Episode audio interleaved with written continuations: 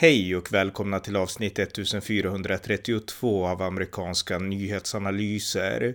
En konservativ podcast om USA med mig, Ronny Berggren, som ni gärna får stödja på swishnummer 070-30 28 95 0. Rättegången mot den unge mannen Kyle Rittenhouse, som beskrevs i poddavsnitt 1429 den 13 november, är nu avslutad. Igår den 19 november friades Rittenhouse på alla åtalspunkter. Så här lät det när juryns beslut lästes upp. The defendant will rise, face the jury, and hearken to its verdicts. State of Wisconsin versus Kyle Rittenhouse. As to the first count of the information, Joseph Rosenbaum. We, the jury, find the defendant Kyle H. Rittenhouse not guilty. As to the second count of the information, Richard McGinnis, we, the jury, find the defendant Kyle H. Rittenhouse not guilty. As to the third count of the information, unknown male, we, the jury, find the defendant Kyle H. Rittenhouse not guilty. As to the fourth count of the information, Anthony Huber, we, the jury, find the defendant Kyle H. Rittenhouse not guilty.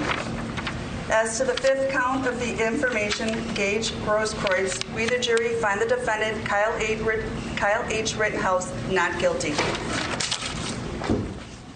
Här följer fler detaljer och mina reflektioner om denna mycket viktiga friande dom. Varmt välkomna. Ja, Kyle Rittenhouse har alltså blivit friad på alla fem åtalspunkter och det här är någonting som gläder republikanerna i USA och eh, det väcker glädje i hela den konservativa rörelsen. Och jag själv är också en av de som gläder sig åt det här friande domslutet. Jag är en stark anhängare av the second amendment, eh, den konstitutionella rätten för amerikaner att bära vapen. Jag är en star stark anhängare av amerikansk nödvärnsrätt som finns i de flesta delstater och eh, jag tycker denna friande domen var väldigt bra. Och för att göra lite reklam så här i början så skrev jag en bok förra året, Donald Trump en synnerligen amerikansk president. Och där har jag ett avsnitt som handlar specifikt om den amerikanska nödvärnsrätten. Och jag ger exempel då på hur hur den brukas i USA och hur den, ja, hur den ser ut här i Sverige och konstaterar då att i Sverige så finns det inte alls samma rättigheter att, att skydda sig själv eller sin familj eller sin, sin egendom på, på det sätt som finns i USA. Och jag resonerar lite kring varför det är problematiskt, men att det här är en synnerligen amerikansk grej, rätten till nödvärn som särskiljer USA från större delarna av västvärlden. Så att eh, ni som vill kan, kan köpa min bok på Bokus eller liknande och läsa om det där. Men åter till Kyle Rittenhouse. Han vart friad alltså och eh, Lite kort bakgrund till hela det här åtalet.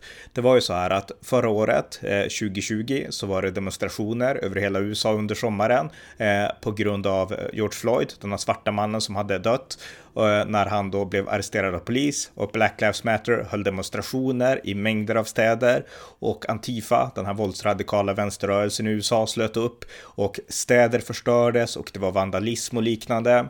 Och den här demonstrationen som ägde rum i Kenosha i Wisconsin den 23 augusti, eh, eller den 25 augusti, det berodde på att den 23 augusti så hade en incident skett i, i Kenosha i Wisconsin när polisen hade blivit inringd för att eh, ja, de hade fått rapporter om en man som, som var våldsam och sådär. Och de åkte ut till platsen och där var det en svart man som hette Jacob Blake och eh, de skulle arrestera honom då och eh, då gick han till sin bil och han var skjuten av polisen därför att han höll på att ta upp en kniv. Och det är lite diskussioner om liksom vad gjorde han och inte. Men det fanns en kniv där och han var skjuten. Eh, som resultat av den skottskadan så blev han förlamad. Han dog inte men han var förlamad, paralyserad.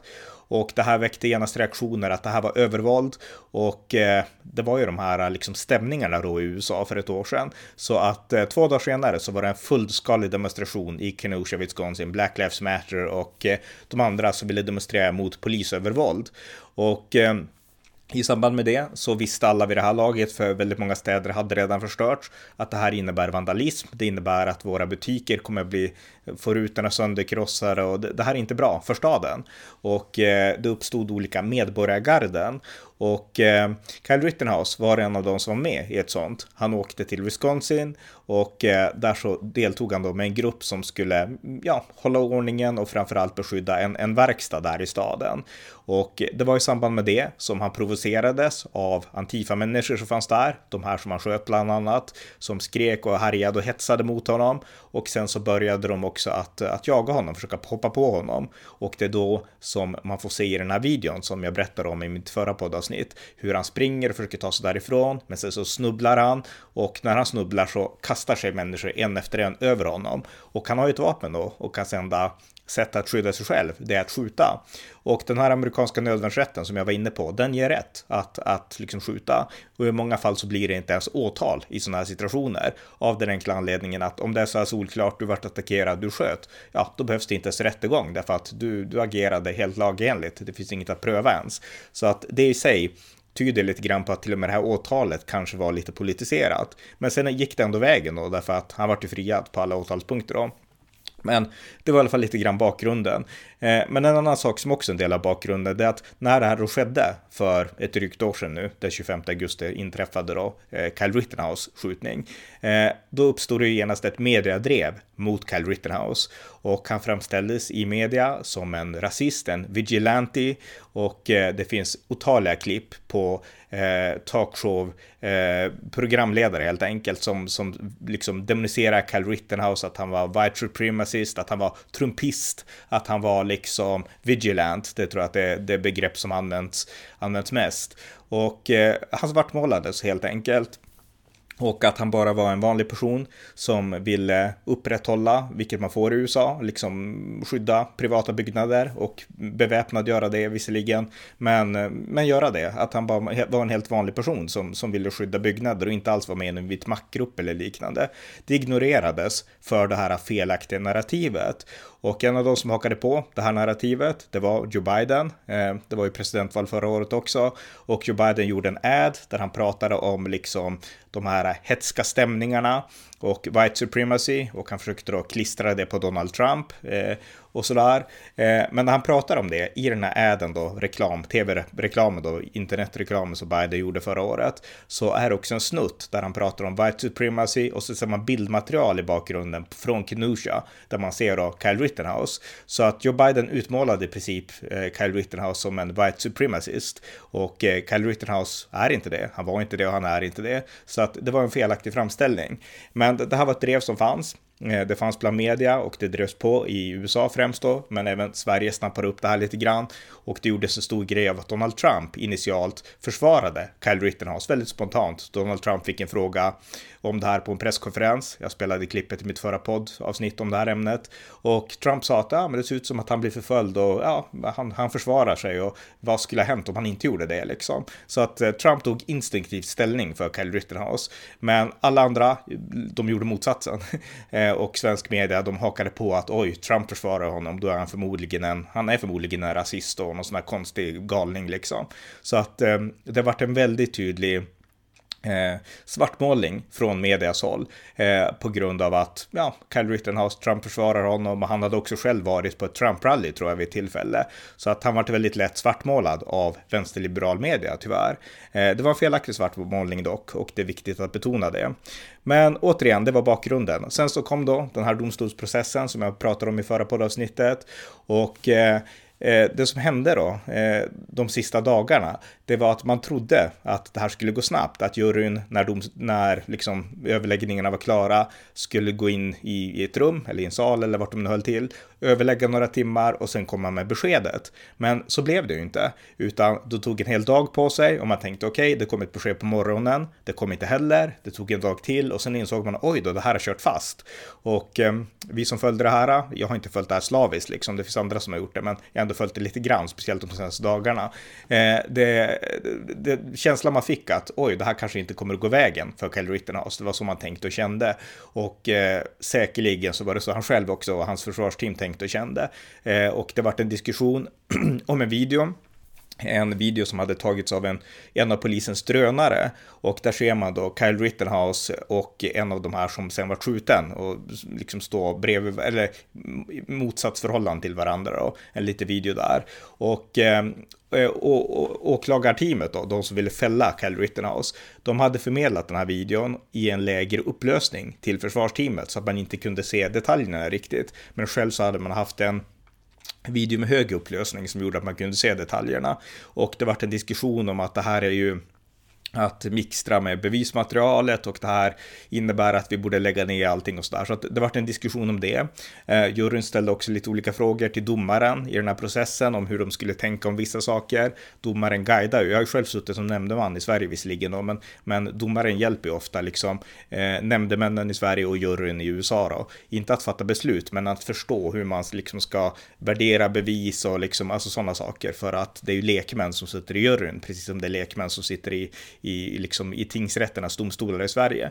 Så att eh, han fick liksom olika frågor så att han fick guida dem lite grann de här dagarna eh, och, och så. Och eh, man väntade med spänning på beslutet.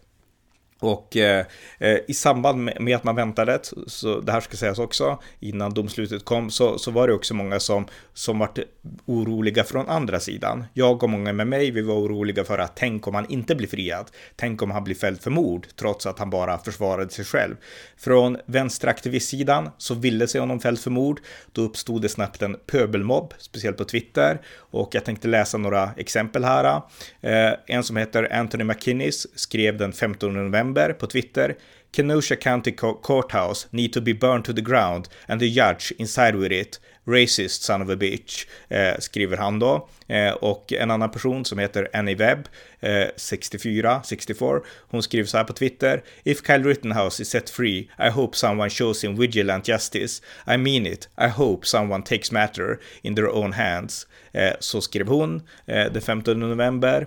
Och eh, en som heter Prince Jellyfish på Twitter skrev så här. Eh, burn the fucking city down when he walks, fucking burn it and hang the fucking judge, skrev han då. Så att det uppstod en väldigt liksom hets, ett hetskt drev eh, mot Cal Rittenhouse och mot liksom domaren. Och eh, ja, de här som brände ner städer förra året. Det var likadant nu. Om Kyle Rittenhouse går fri så ska vi bränna städer och vi ska förstöra. Så att det fanns verkligen ett hatdrev mot Kyle Rittenhouse. Det här handlar inte om att domen ska ha sin gång och rätten ska ha liksom, vi ska respektera liksom rättsbesluten. Utan går inte våran väg så bränner jag staden, döda domaren och häng Kyle Rittenhouse. Det, det var så det lät. Så att eh, här har vi verkligen eh, vigilantis, eh, om man ska prata om sådana. Eh, men så gick drevet i alla fall inför det här. Och eh, domen kom då och jag spelade ju klippet i inledningen och han friades. Kyle Rittenhouse friades på alla punkter. Och eh, jag antar att somliga av er som lyssnar har sett själva videon. Det är bättre att göra det än att bara lyssna på ljudet för att när man ser videon för rättegången då ser man också eh, hur Kyle Rittenhouse filmas. Och han står där och eh, först står han ganska stoiskt.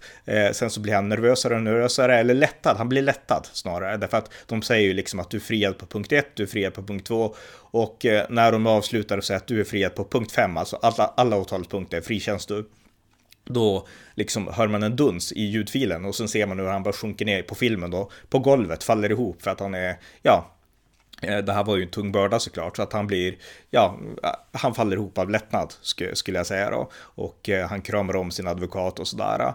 Och det här är intressant därför att i media så framställdes det ju när han vittnade och då vart han också väldigt upprörd när han tänkte på det här filmklippet och att han sköt dem och han stod och han grät och han vart avfärdad av amerikanska eh, liberala eh, programvärdar. Jag har inte namnet på dem nu, men på, på de här liberala amerikanska programshowerna som, som sa att det här är bara låtsastårar och vilken skådespelare han är. Alltså han vart hånad för de känslorna. Och nu efter det här då i samband med att han visade känslor igen när han vart friad, då skrev Dagens Nyheter, jag har faktiskt inte hittat artikeln, men jag har sett skärmdumpar på Twitter och sådär och jag tror att de kan ändra rubriken, men där de då eh, skrev att eh, i samband med att han frias att han inte visade några känslor, eh, skrev DN. De skrev så här då. Eh, 18-årige Rittenhouse visade inga reaktioner när domen lästes upp och lämnade sedan rättssalen så snart domaren tillät det. Eh, så här skrev DN igår, alltså för att beskriva eh, ja, hans reaktion när han friades. Och det här är ju direkt felaktigt. Han visade stora reaktioner igår. Och jag tror att de har ändrat det här senare då, men det här var deras första, det de skrev då. Och eh, det visar ju lite att hur han än reagerar så hjälper det inte. Eh, när han reagerar känslomässigt när han ska vittna, då säger liberal media, han fejkar bara, han fejkar, han är egentligen känslokall, han bryr sig inte att han sköt dem eh, och sådär. Och när han då reagerar av lättnad för att han varit friad, vilket ändå måste vara en riktig lättnad, speciellt om man vet att man är oskyldig, eh, då avfärdas det, han visar inga känslor liksom. Sen tror jag att i DNs fall så var det mer ett felaktig liksom, rapportering. De såg säkert inte det där utan gjorde bara någon rewrite. Men de här liberala USA, det var ju definitivt liksom cynisk, liksom, ja, liksom man, man ville se illvilligt på, på, på det som hände. Så att, eh, ja, det, det är värt ändå att betona det gällande medierapporteringen då. Men hur som helst, det hände. Han vart friad och eh, eh ja, glädje bland högern och som sagt besvikelse bland, bland demokraterna. Och då inte bara på lägre nivå. Väldigt många demokrater på lägre nivå tycker att det här är inte bra. Joe Biden som sagt, han svartmålade ju Kyle Rittenhouse ett tidigare skede. Nu meddelade han ändå att ja, det här, jag förstår att många är besvikna, men vi måste respektera domstolen. Så att det var ju rätt bra ändå av Joe Biden. Kamala Harris däremot, den här genialiska, nu är jag lite ironisk här då, eh, vicepresidenten. Hon gjorde ett spontant uttalande eh, när hon fick en fråga av media och vi spelar i klippet. Så här sa Kamala Harris om Kyle Rittenhouse friande. Hey guys, well it was a good trip and um, I have questions about the verdict and the verdict really speaks for itself. As many of you know, I've spent a majority of my career working to make the criminal justice system more equitable and clearly there's a lot more work to do. Thanks. Och eh, det här är faktiskt väldigt illa att en vicepresident säger så här. Här har vi en person som applicerar amerikansk nödvärnsrätt utifrån den amerikanska konstitutionen. Han blir friad av en legitim domstol på exakt alla åtalspunkter och eh, Kamala Harris är besviken och hon menar att vi måste ha mer equity. Och ordet equity är ju ett kodord för att liksom man ska ge alla jämlika, liksom alla ska betraktas jämlikt. Eh, inte jämlikt i liksom eh, möjligheterna att liksom ta sig framåt, utgångspunkterna, utan jämlikhet i liksom slutändan. Alltså man ska få samma resultat oavsett utgångspunkt. Eh, och det ska tydligen även gälla rättsväsendet. Men det är inte ens en sån equity de här rörelserna egentligen förespråkar, utan det är att man ska, våran aktivistiska agenda, alltså Black Lives Matter-marxismen, den ska få rätt och andra ska få fel. Och det innebär att om vi inte fäller Kyle Rittenhouse för att han är en rasistiskt vit makt vigilanti, eh, då är det något fel på rättssystemet för att han borde bli fälld så. Det är liksom logiken bakom hennes resonemang. Och det här är oerhört farligt och eh, Kamala Harris är faktiskt en fruktansvärt dålig vicepresident.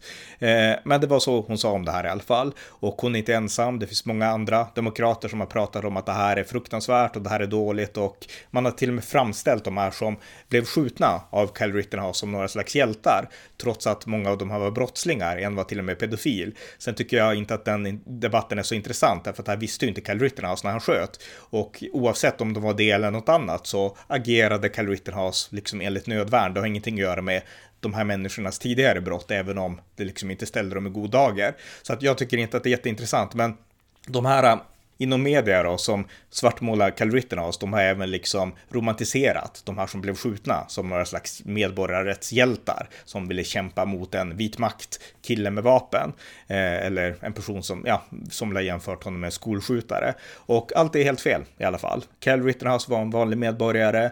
Han gjorde inget fel och eh, han agerade enligt amerikansk nödvärnsrätt och domstolen har friat honom. Och allt jag har läst är att det här kan inte överklagas när han är friad i, i ett sånt här fall. Så, så ja, det kommer inte att överklagas. Det är ju staten som driver de här målen och de kommer inte att ta det här vidare. Utan han är friad och det, det är oerhört bra och det visar att trots att vi lever i en tid av mycket woke-kultur eh, så håller den amerikanska konstitutionen fortfarande och den här domaren då som ändå är, han är tillsatt av en demokrat där i Wisconsin på 80-talet. Han, eh, ja, han visar ändå att man kan, även om man är demokratiskt sinnad, vara trogen mot konstitutionen och eh, verkligen ha en liksom sund objektiv blick på rättsväsendet, även när det är så politiserat som det här fallet har varit. Så att eh, jag är otroligt nöjd och jag tycker att det är jättebra. Eh, DN, på tal om det och på tal om svensk media då, eh, där hade också Martin Gelin som, som är DNs USA-expert, han hade en artikel där han sa att den radikala högern gläds åt det här då. Och jag kan tycka att det är ett, eh, ja, Eh, ja, det är ett nedlåtande begrepp, den radikala högern. Den amerikanska högern som tror på konstitutionen, vilket demokraterna inte gör på samma sätt längre. De tycker att det här är bra, ja, därför att det var självförsvar. Eh, de tycker inte att skolskjutningar är bra, eller att våld är bra. Men rätten till självförsvar, som det står om i den amerikanska konstitutionen, det tycker högern är bra. Och att kalla den åsikten för radikal, det tycker jag inte är bra av DN och i det här fallet av Martin Gelin. Men lite om det då. Eh, Sen så, vad kommer att hända nu då? Vilket efterspel kommer det att bli av det här? Eh, som sagt, överklagan, det är inte sannolikt, utan Cal Rittenhouse, han kommer att bli fri nu. Och eh, det han kan göra däremot, det är att kanske stämma de som har svartmålat honom. De som har utmålat honom som en vit maktperson och som en galning, som en vigilante, som massvis av media har gjort felaktigt, för det, det var ogrundat. Eh, han kanske kan stämma dem.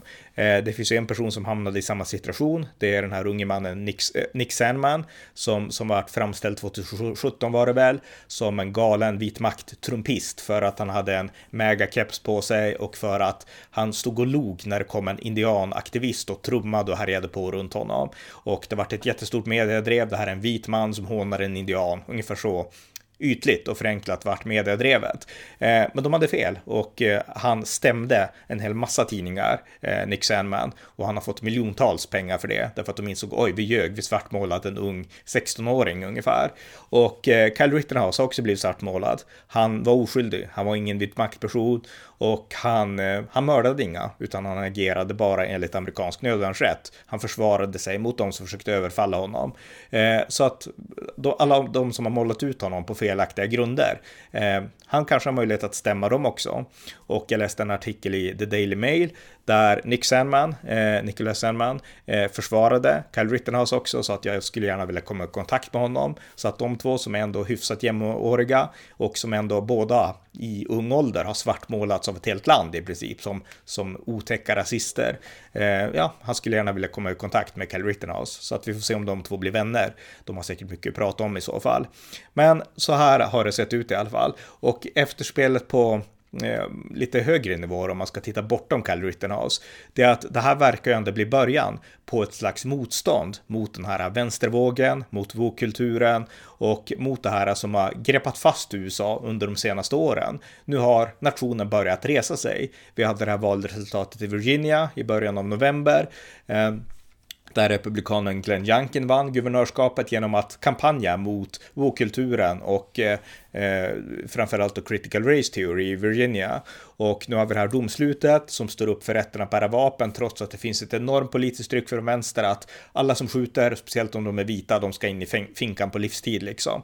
Nu har vi fått ett domslut som går emot det och steg för steg så börjar man pressa tillbaka hela den här liksom kulturen. Och eh, förut var det mycket Donald Trump som drev den här kampen, men nu drivs det från alla möjliga håll och även av parter som kanske inte alls är allierade. Så att amerikansk eh, opinion har börjat vakna till liv och tröttnat på den här vågkulturen. Det är så jag liksom betraktar den här domen utifrån ett större perspektiv, även om den här domen såklart inte har någonting med de politiska vindarna att göra. Men man kan ändå sätta det i helheten. Och jag tycker att det är mycket glädjande att det blir den här konservativa motvågen. Och i mina poddar med Björn Nordström så brukar vi ofta säga att nu har bokkulturen börjat komma till vägs ände och det kommer att komma en konservativ motrörelse. Och den här domen skulle jag sätta in i det sammanhanget. Så jag är mycket glad. Eh, jag är inte den radikala högern, men jag gläder mig åt att Cal Rittenhouse blev fri. Och det här har varit ett ytterst viktigt mål eh, för att värna den amerikanska rätten till självförsvar som är skriven i den amerikanska konstitutionen. Så att med det sagt så har ni nu fått en kort sammanfattning av de senaste dagens händelser och sen får vi se också hur det blir Eh, kanske imorgon eller ikväll eller sådär, om det blir nya upplopp som de här vänsteraktivisterna hotade med. Det är ju inte samma liksom starka liksom vindar från vänster som det var förra året, då var det ju verkligen ett socialt tryck på att du ska ut och demonstrera och vi hade till och med politiker som försvarade de här upploppen i städer, helt galet. Eh, det är ju inte riktigt så längre så att det kan hända att det inte blir så mycket liksom våld och så av det här. Men hoten fanns definitivt på Twitter och programvärdar sa galna saker och sådär. Så att vem vet, vi kanske får göra en uppdatering. Men just nu kan vi nöja oss med att konstatera att Kyle Rittenhouse är fri och det är mycket glädjande. Det var avsnitt 1432 av amerikanska nyhetsanalyser. En konservativ podcast om amerikansk politik som ni gärna får stödja på swishnummer 070-30 28 95 0 eller via hemsidan på Paypal, Patreon eller bankkonto. Det var allt för den här gången. Tack för att ni har lyssnat.